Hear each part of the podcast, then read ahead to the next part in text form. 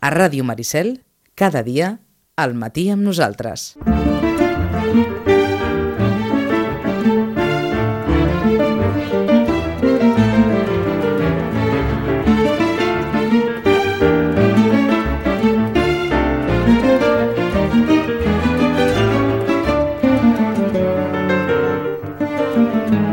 I sobre la taula una de les notícies de les darreres hores, el Premi Ramon Llull. Atorgat aquí alguns defineixen com a escriptora, uns altres com a periodista i els que d'alguna manera volen, no sé si dir, menys tenir una mica la cosa, la defineixen estrictament com a tertuliana. Pilar Rola, que ha aconseguit el 37è Premi Ramon Llull amb la novel·la Rosa de Cendra, ambientada a la setmana tràgica de l'any 1909. És el Ramon Llull, ens sembla, i si no la, la Rosana ens ho confirmarà en, en res, en uns instants, que és el premi més prestigiós de la llengua catalana. Rosana, bon dia, bona hora. Hola, molt bon dia. És el Ramon Llull el premi més prestigiós? Sí. Sí. sí com a mínim eh, també més dotat que els altres i en aquests eh, darrers anys la veritat és que està doncs, competint molt fort amb el Premi Sant Jordi, eh? que seria el premi no? que es donen a les nits de Santa Llúcia i que seria també el premi que abans era doncs, el Gran Premi. Uh -huh. I ara en aquests moments el Premi Ramon Llull, clar, també recordem que hi ha el, el grup Planeta al darrere, doncs és un dels premis que realment, a part de crec que li ha donat prestigi i a més a més moltes ventes darrerament. Mm. Pilar Rola n'hi donarà de ventes, no? Diria que sí, diria que sí. Ells estan molt esperançats, jo també crec que sí. Uh, de fet, no sé si recordes que Mariona també va ser una novel·la que es va vendre moltíssim, Sí. que se'n va parlar molt i que potser, doncs, ara potser encara la Pilar Rola, com tu dius, és una dona doncs, molt coneguda a nivell de tertúlies, mm, constantment està als mitjans, i doncs ja té un públic que sí que els hi va agradar aquesta novel·la i que doncs ja com a mínim ja... I, i suposo que el tema també, eh? Agradarà molt. Exacte, la setmana tràgica, no? Sí, jo crec que el tema també agradarà moltíssim. Eh?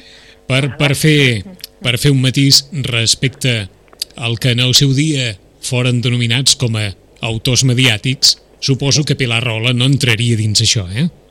No, jo, No. jo, jo diria que no. Uh, de fet, uh, portem uns anys, no sé si recordes, però uh, jo diria que va ser Xavier Bosch, Víctor Amela i ara la Pilar Rahola, com a Premis Ramon Llull. Uh, esclar, estan en els mitjans de Exacte. Però diguéssim que són escriptors ja, de, o sigui, Mhm. estan escrivint normalment la seva, uh, d'això, és escriure, escriure, escriure no tant mm, les aparicions a la televisió, sinó el fet d'escriure, perquè la Pilar Rahola doncs, és columnista també, mm, no sé, eh, clar, el Xavier Bosch, que s'ha de dir, doncs, també, vull dir, sí que apareix en els Mhm. mitjans, però també, i el Víctor Amela, doncs, eh, abans era conegut per les contres de l'avantguàrdia, més Però que una altra cosa. Eh? segurament no estaríem parlant d'aquelles persones que aprofiten el, el tiratge mediàtic per escriure un llibre, eh? No, No és no, aquest perquè cas, això eh? era més aviat el tema presentadors mm, que feien un programa Mhm. de televisió i que aprofitaven la vinentesa. Era, es, es parlava més d'allò, eh? T'ho preguntava, així, t'ho preguntava així perquè, òbviament, com a llibretera, Pilar Rola té una trajectòria pròpia en el món dels llibres, en el món de la, de la novel·la, eh? i està funcionant prou bé. Sí, sí, sí, la veritat és que sí. I, bé, mm, jo, dic que, jo, jo, jo penso que també, a part del seu nom, també el tema, jo diria que el tema també agradarà moltíssim. De vegades això també dona molt. Eh? D'acord. Vull dir que depèn, la gent també es decanta per, un, per una novel·la o per Mhm. una altra, depèn del tema que, de què en parlin. Eh? Tema vinculat o que d'alguna manera l'autora també, com era previsible, vincula amb la- amb l'actualitat la, més, més propera. Eh? Mm, sí. Bueno, aquesta també és la seva vena, no?, de dir combativa, no?, Ah. que, que fa que, doncs, que, que sigui una dona que tothom reconegui, que digui, bueno, és que ella és combativa, no? I, Doncs- bueno, és un tret. Doncs la novel·la es titula Rosa de Cendra i hem de suposar que no trigarà massa a arribar a les llibreries, No, no? no, d'aquí pocs dies, eh, diria que és començaments de març, per això, eh? Mhm. no, ara no, no he mirat, la O sigui, que no he mirat, però... d'aquí un, un mes, si fa no fa. D'aquí un mes Eh? estarà, sí, sí. Jo crec que és després de Carnaval. Mhm. sí. Perfecte, perquè el que ha arribat en els darrers dies, què és, Rosana? Mm, no hi cabem. No hi cabeu? No hi cabem, ara mateix. Vull dir, avui han entrat dos o tres que ja no he pogut ni, ni mirar-me-les, però sí que la veritat és que hi va entrar doncs, una que no té res a veure. El dia que hi cabeu en farem notícia, eh? Ah, això, el dia que hi cabem, eh? que quan vingui febrer diguis, ostres, està la llibreria buida. Tu intentes eh, que sigui doncs, això, però no. no Perquè no com, podem com, com són les coses, i podem parlar des del punt de vista d'una professional acreditada, sortia fa ben pocs dies a TV3 una notícia que feia referència a que Sitges no hi ha llibreries, en el sentit, a, en el sentit estricte de llibreria. Sitges es venen llibres, òbviament, hi ha, hi ha llocs on es venen llibres i on hi ha vocació de vendre llibres, però llibreries en el sentit estricte de, del terme, i de nou hi havia hagut mm, una, una petita polseguera d'aquelles de com és possible eh, que Sitges no, no hi hagi cap llibreria entesa, tal, tal, tal. I tu que has tingut l'experiència sitgetana, com hi ha hagut altres, eh, diguem-ne, petits empresaris que han tingut l'experiència sitgetana i, i l'experiència sitgetana no ha acabat de reeixir perquè què, què ens passa? Som, som quelcom especial o, o, o què? Perquè Bé. a Vilanova tu no hi caps, de llibres. No, de llibres, eh? No he dit de clients, eh? Però he dit de llibres, eh? Uh, no, potser també, bueno, ja fa molt, molts, bueno, és que esclar, uh, vam començar l'any 71 nosaltres aquí, i suposo que, no ho sé, eh? ara Uh -huh. jo intento posar És, d'això... és a eh, dir, la, la hi ha, hi llibreria... ha molta gent de Sitges que, que, que diguéssim que la seva vida a Sitges és molt uh, de tarda-nit. És a D'acord. Vale? Perquè mm, si veus els trens com venen de plens, etc etc, uh, no sé, vull dir, mm, estan acostumats, suposo, a fer vida fora i després venir a la nit a descansar a casa seva a Sitges i aquest vida fora vol dir moltes hores fora, vol dir que compres allà on estàs, Mhm. on estàs treballant, no? eh, és una possibilitat, un altre no ho sé. T'ho pregunto- També veu sortir que éreu la població que, que, que més llibres comprava, internet, no? sí. Per internet, Sí, eh? sí. Vull dir que, no sé, és com bastant estrany. pregunto, t'ho pregunto així, tanco el tema ben aviat, perquè Sí. eh, segurament els sitgetans i la gent de la comarca sap que quan diu Vilanova, molt bé, doncs a Vilanova li surten dues llibreries, així de cop i volta. Mm. Li surt la vostra, la Llorenç i la Molassa, que són les dues llibreries, diguem-ne, que, que, més, que més coneixem de, Mm. Sí. de Vilanova. La teva en 45 anys a l'esquena.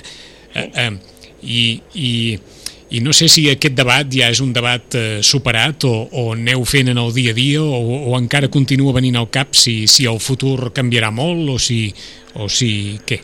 Això ho tenim present cada dia, cada minut, eh, cada minut, Vicenç. Cada, Cada minut. Sí, sí, sí.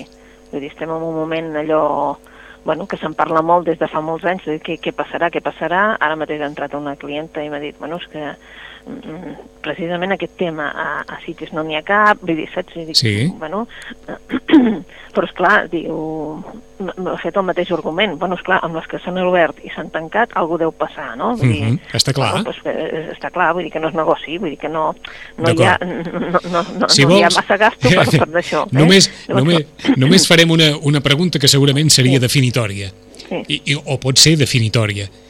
Uh, si el vostre local fos un local de lloguer, suposo que també la vida es veuria i el negoci es veuria d'una altra manera, no?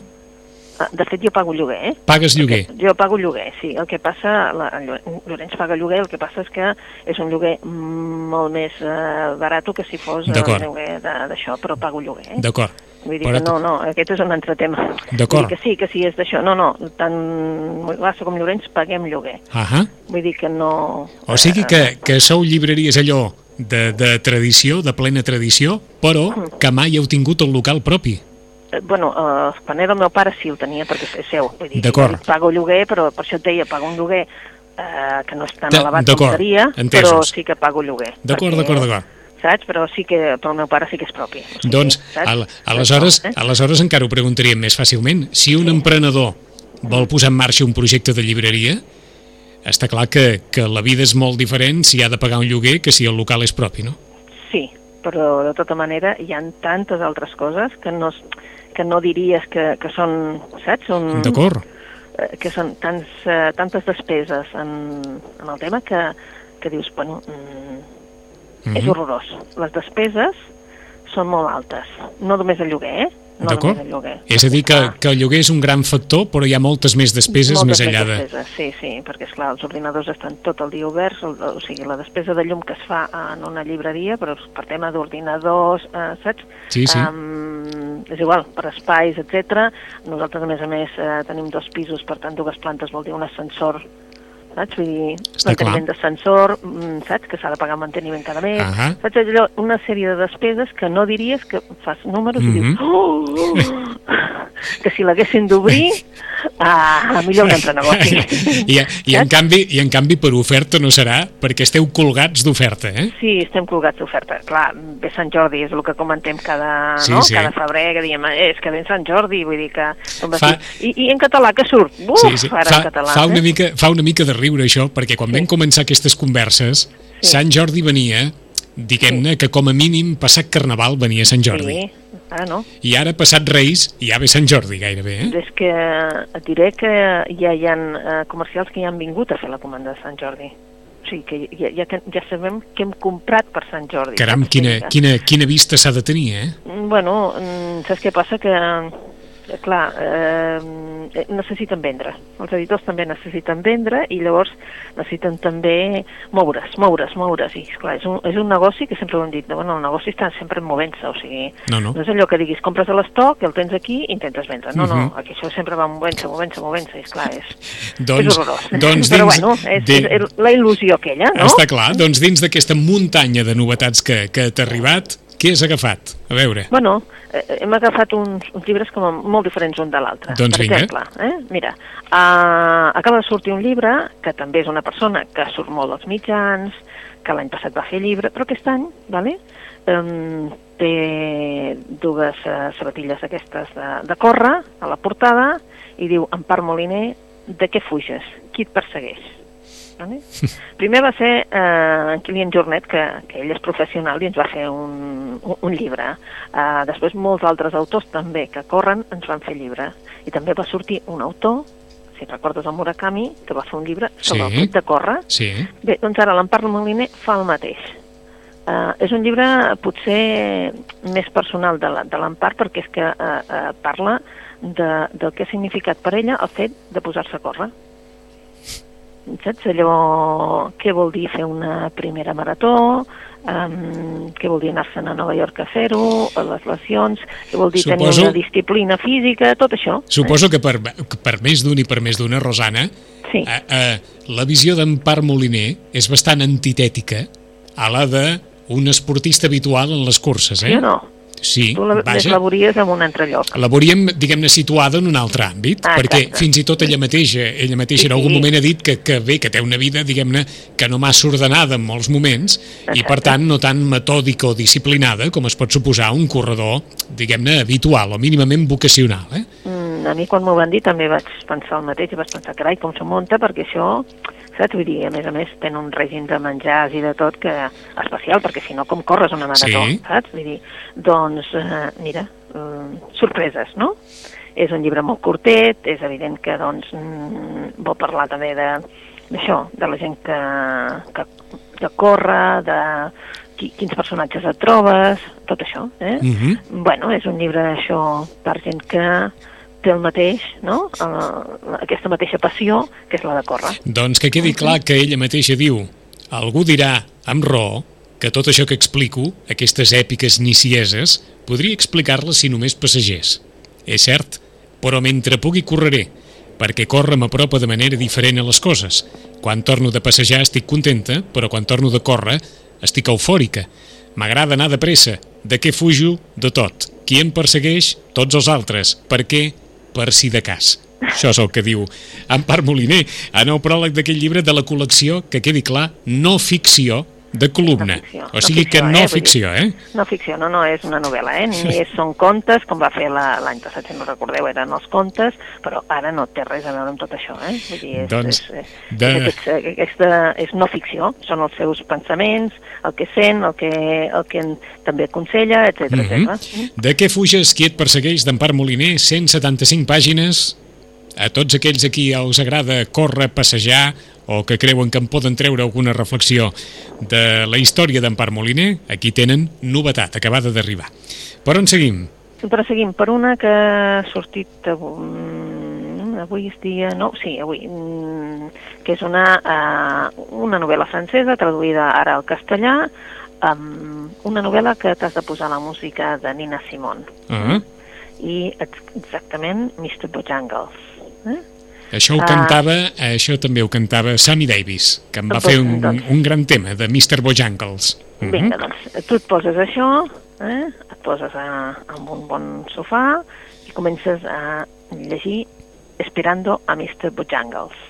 Vale? Mhm. És d'un autor francès que no coneixíem aquí, que es diu Olivier Bourdeau, i de fet és una novel·la en la que el protagonista realment és, diríem que és el nano qui explica la història dels seus pares.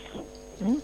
Uns pares bojos, bojos d'enamorats, bojos d'amor, però també amb un pèl mm, de dir mm, de diferents, eh? diferents. El pare és el que doncs, ha portat diners, ha fet negocis, etc etc, però ja veu que s'ha de dedicar a la mare. Eh? La mare és una persona doncs, que és diferent. Eh? El que primer que li ensenya doncs, amb el nano és a, a ballar, perquè el més important és estar alegre, ballar, viure la vida, i és clar, això és molt difícil compaginar-ho amb un nen que ha d'anar a escola. Dinar, dinar no es dina mai a l'hora, o sigui, es dina a l'hora que sigui, amb gent que ve, que es cuina per no sé quants, es balla, es balla molt el so de Bojangles, que llavors és quan ells dos, el matrimoni, doncs, realment disfruta. És la història, doncs, d'un nen, un nen que tindrà una infància molt diferent, una infància, doncs, eh, esbojarrada, eh, una infància que ell recordarà amb molta carinyo, però de vegades les coses, doncs, bueno, de vegades són fins i tot doloroses. Mm. És Esperando a Mr. Bojangles, una novel·la molt curteta, de salamandra, però que té un pèl, saps allò, d'alegria vital que ho veus, també d'esbojorrament, perquè ja veus que, doncs, que no hi ha ni horaris ni, ni hi ha res en aquella casa, però que hi ha aquesta alegria innata de fer les coses, de participar amb els altres, de, de fer que els altres estiguin també contents, però bé, mm, el nen ho viu així i ho viu bé, fins que, evidentment, s'adona de que això no podia continuar. D'acord, o sigui, a partir de, dels ulls d'una criatura, la història. Sí, sí, sí, la història és la del nen, diguéssim, saps? Perquè eh, parla els, els meus pares, la meva mare, etc. saps? Uh, una dona doncs, que va canviant de nom cada dia, que el seu home doncs, també li diu un nom cada dia, uh, que parla de vostè, tant amb el nen com el seu marit, saps? Però uh, que és una enamorada de la vida. Després ja veus el per què, no? És Mhm. Una enamorada de la vida. Eh? Mm, Ara això sí, vull dir, de responsabilitats no gaires, eh? perquè no en pot tenir, eh? però una enamorada. Segurament per això és una enamorada de la Ah, vida, eh? exacte, per això mateix, eh? Per això, eh? Esperando Mr. Bojangles, eh, deixem de moment en un racó Mr. Bojangles i, i Sí, eh? escoltarem la cançó per, a- per, acabar, per acabar el programa. Per on seguim, Rosana? Doncs bé, eh, doncs podríem seguir, és que se n'hi ha tantes que dius, bueno, ara per on seguim, per on seguim? Bueno, ja sabeu que, que, és, que és, són dies de premis, per tant, eh, acaba de sortir el Premi Nadal, aquest any ha sortit en català i castellà alhora, Vale? Per què? Doncs perquè l'autora és Care Santos. I llavors ja ho fan de que si creuen que l'autora és una autora de- d'aquí, millor publicar-li també en català, malgrat que hem de dir que el Premi Nadal és un premi en castellà. Eh? Però eh, si, si en aquest cas és la Care Santos, doncs, evidentment doncs, el que hem fet és posar-lo també en català. Mhm. Per què? Perquè, esclar, hi ha molta, molta gent eh, llegint la Care Santos en català. Eh? O sigui que és mitja vida en català Mitja vida en català, i media vida en castellà. Ah, exacte. Ho dic perquè aquí no hi ha hagut reversió del títol, eh? El No, títol no, és no, el no, mateix, no. eh? És, el títol és el mateix i és la Cara Santos que ens fa doncs, un, una història, una història que, bé, que tu ja veus que la portada és una portada on hi ha un pupitre, una noia que es veu des de dalt, una noia més gran, i una escala, eh? Mhm. mitja vida. Mitja vida de què? Pues, mm, en 50 nenes internes en un col·legi de monges um, que juguen a, a, al joc de les penyores. Eh? Uh, hi ha unes bessones, les bessones Vinyó, que, bé, que començaran una nova vida i clar, um, com que l'ocasió és una ocasió ja que és l'última que juguen, eh? cap d'elles espera que, que això, a partir d'aquí, doncs la vida els sigui molt diferent. Eh? Són la vida de, de, de cinc noies, cinc noies que, que, que eren amigues, molt amigues en un internat, a l'hora de, de ser amigues, amigues, allò, no?, que han viscut una sèrie de coses en un internat, i llavors és la història d'aquestes cinc noies al llarg de 30 anys. Uh -huh. eh? Perquè es retroben ja de grans eh, l'any 1981 i totes elles recorden el que ens deia la Rosana, el que havien viscut uns successos de fa 30 anys enrere. Exacte. Mm? Eh? I llavors, bueno, doncs és aquesta, no?, que han viscut, com han viscut l'amor, com han viscut la llibertat, com han viscut l'amistat, i aquesta mitja vida, suposem també, que serà un dels llibres que agradarà molt al públic, perquè I que... ja també és veritat que la Care Santos també té molts lectors. I que arribarà a Sant Jordi, no? Sí, sí, sí, sí, és que això està preparat per Sant Jordi tot, eh? Perquè, eh? Ja saps que ara s'acosta Carnaval i sembla ja els llibres els tinguem Ah, lluny, eh? ja, Perquè em- s'acosta Carnaval. I eh? està preparat també el Premi Josep Pla o encara no? El Premi Josep Pla... El de ah, Xavier, el de Xavier Tarós està Xavier preparat? Tarós ha arribat avui, també. Ha arribat avui també, Avui, d'acord. encara ni me l'he mirat, però sí, Xavier Tarós ha arribat avui, he vist una cara així, el premi té una, una cara així com un senyor barbut, una, així, una, una portada mig blava i he pensat, ui, ui, ui, quina portada, no?, que Ahà. sobta, eh? Però encara no et puc dir res perquè jo ni me l'he mirat, eh? Però que quedi clar que, que el Sí, sí. Premi de Xavier Tarós també ha arribat a les També llibreries, arribat, també aquella arribat història de la Barcelona del 1843, de les revoltes populars, doncs Xavier Tarós, el Premi Josep Pla també és a les llibreries des d'avui. El Premi Sant Jordi, el Premi Mercè Rodoreda, és a dir, clar, mm, dius que, eh, pues tots, eh? Tots, tots estan arribant a l'hora, tots de pressa, de pressa, són autors que són coneguts, perquè mm, precisament, doncs, eh, el Premi Mercè Rodoreda, que normalment de vegades, doncs, bueno, sí que li donen autor conegut, però potser no tant, ara n'hi han donat amb una noia que està donant, diguéssim, mm, bueno, doncs mm, molta literatura en poc temps, que és la Gent Díaz, eh? La Gent Díaz, que és una autora de l'any, em sembla que va néixer el 88, eh? Llavors, bueno, ella ja ha fet bastantes obres, eh, va començar en castellà, que va posar el duelo i la fiesta, i en el 2015 ens va fer una en català, eh, Mare i filla, mm? que va ser una obra doncs, traduïda en diverses llengües. Eh? Bé, és una autora, diguéssim, més jove, eh, una autora moderna, una autora que col·labora també amb el periòdic, però amb una revista així més alternativa, que és Jot Down, i, en definitiva, és una autora que ens vol parlar mm, més aviat de, de la quotidianitat, però de, de les coses que li passen ara a la Barcelona d'ara. Eh? En definitiva, mm, és premis, premis i premis. Eh? Mm? Després Gent Díaz també. Què més? Eh? Sí. Tenim, tenim una mm, que és, eh, bueno, ha sortit la Luz Gavàs, el Federico Mocchia és el més venut en aquest moment, però això, com que ja són autors que, que funcionen, si de cas els deixem per un altre Sí. dia, i avui només apuntem una, mm, una que, clar, Perquè que la de, la de Federico Mocchia va de Candaus o no? Eh? La de Federico Mocchia va de Candaus o no? Bueno, eh, no va de cantaus, però és la tercera part de 3 metres sobre el cielo. D'acord. O sigui que... Eh? Ara porta una clau, eh? Una clau a la portada. Porta una clau a la portada, Una clau, o d'acord? sigui que potser sí que és per obrir el candau, eh? I es diu Tres veces tu. Tres veces tu. Tres vegades tu, pels que la llegeixen en Mhm. català, o sigui, com que ha sortit a l'hora i és, eh, saps? I Ja és una està. mica, suposo que és el desenllaç de la història. D'acord, eh? només, només ho diem perquè els que siguin seguidors de Mocchia sàpiguen que acaba de sortir tres veces tu, tres vegades tu. En què podem, en què podem acabar, Rosana? pues, eh, home, acabem amb una que, doncs, que, que parla de llibreters. Eh? Vinga, Una libreria en Berlín. Eh? una libreria en Berlín. Una libreria en Berlín l'acaba de publicar, perquè va ser ahir, en, a Sex Barral, a François Frenkel, ¿vale?